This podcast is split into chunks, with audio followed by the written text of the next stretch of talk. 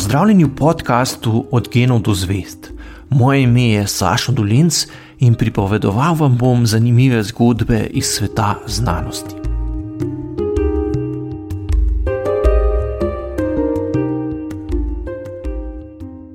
Verjetno vsi uporabljamo programe za preverjanje črkovanja, ki nas opozarjajo na morebitne tipkarske napake pri pisanju. Ta priročna orodja so nam v veliko pomoč pri urejanju besedil, vendar ne zmorejo narediti kaj več kot popraviti napačno napisane ali pozabljene črke. Zato smo lahko toliko bolj navdušeni nad novimi jezikovnimi tehnologijami, ki lahko izboljšajo tudi slog in razumljivost napisanega.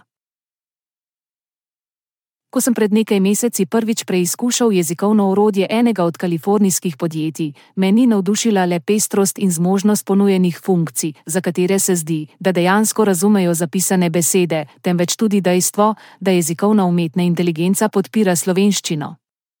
Pogovorni stavek: To, kar neki pišem, da bi videl, če me stroj razume, je jezikovno orodje z ukazom, naj ga preoblikuje v knjižno obliko, brez težav spremenilo v To je nekaj, kar pišem, da bi videl, če me računalnik razume. Seveda je opisani primer le ena od najpreprostejših funkcij, ki jih imamo na voljo. Poleg pretvorbe v knjižni jezik lahko spletno orodje z novimi stavki smiselno nadaljuje besedilo, ga prevede v drug jezik, predlaga privlačen naslov, povzame bistvo, določi ključne besede, poenostavi besedilo za otroke in podobno.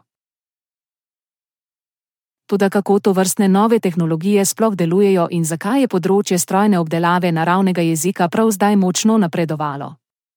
Zmogljivi računalniki so namreč na voljo že več let, raziskovalci pa si prav tako že dolgo prizadevajo, da nimo, razviti orodja za strojno prevajanje, vendar do nedavnega niso bili pretirano uspešni. Vzrok je v tem, da je v zadnjem desetletju prišlo do izjemnega napredka na področju umetne inteligence, ki izhaja iz tehnologije strojnega učenja nevronskih mrež. Prav ta tehnologija je računalnikom omogočila, da vidijo, slišijo in razumejo svet okoli sebe, kar je privedlo do hitrega napredovanja na številnih področjih, na katerih stroji prevzemajo naloge, ki so jih do nedavnega lahko upravljali le ljudje. Bistvo naprednega strojnega učenja je, da računalnikom ne predpišemo pravil, po katerih naj se ravnajo, temveč ustvarimo nevronsko mrežo, ki se na to na osnovi nabora podatkov sama pruči pravil.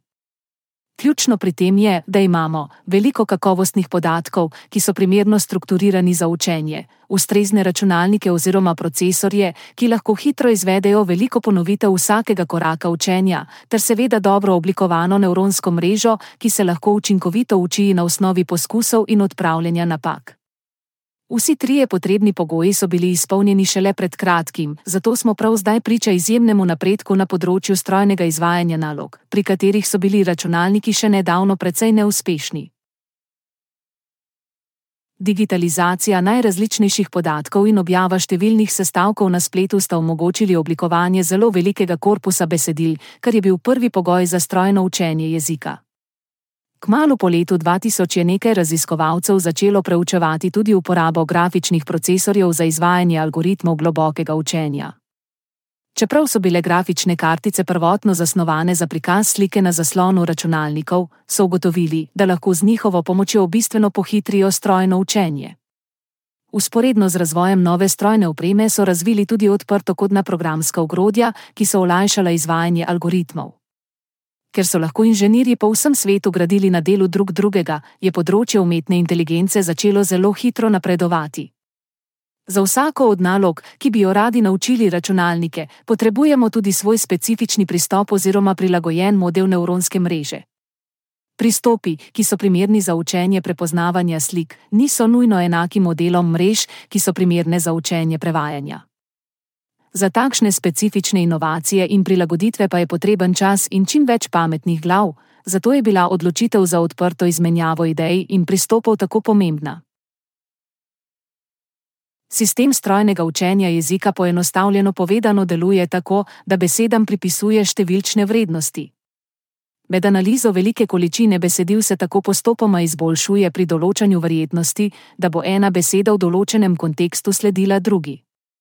Jezikovna nevronska mreža zna tako izračunati verjetnost, da je določeno zaporedje besed veljavno. Vendar pri tem ne gre za veljavnost v smislu slovnične pravilnosti, ampak za skladnost z naučenimi jezikovnimi vzorci. Pri strojnem učenju jezika je zato izjemno pomembno, da se nevronska mreža navadi prepoznavati tudi kontekst uporabe posameznih besed, saj ima lahko dobesedno isto zaporedje črk več različnih pomenov. Ker se umetna inteligenca izboljšuje s pomočjo množice podatkov iz resničnega življenja, je treba posebej paziti, da ne prevzame tudi predsotkov in škodljivih stereotipov. V zadnjih letih je bilo veliko energije posvečene prav odpravljanju najrazličnejših težav umetne inteligence, tako da nove različice modelov načrtno preprečujejo ustvarjanje seksističnih ali rasističnih izjav, čeprav jih najdemo v besedilih, na katerih se učijo. Trenutno je večini uporabnikov najbolj dostopna jezikovna umetna inteligenca na spletni strani openai.com, ki zna tudi v slovenščini ustvarjati besedila, za katera večinoma ni mogoče prepoznati, da jih ni napisal človek. Pravkar so predstavili novo različico tega orodja, ki je še bolj zmogljiva, saj deluje v obliki spletnega pogovora, ki zna veliko bolje prepoznati namere uporabnikov.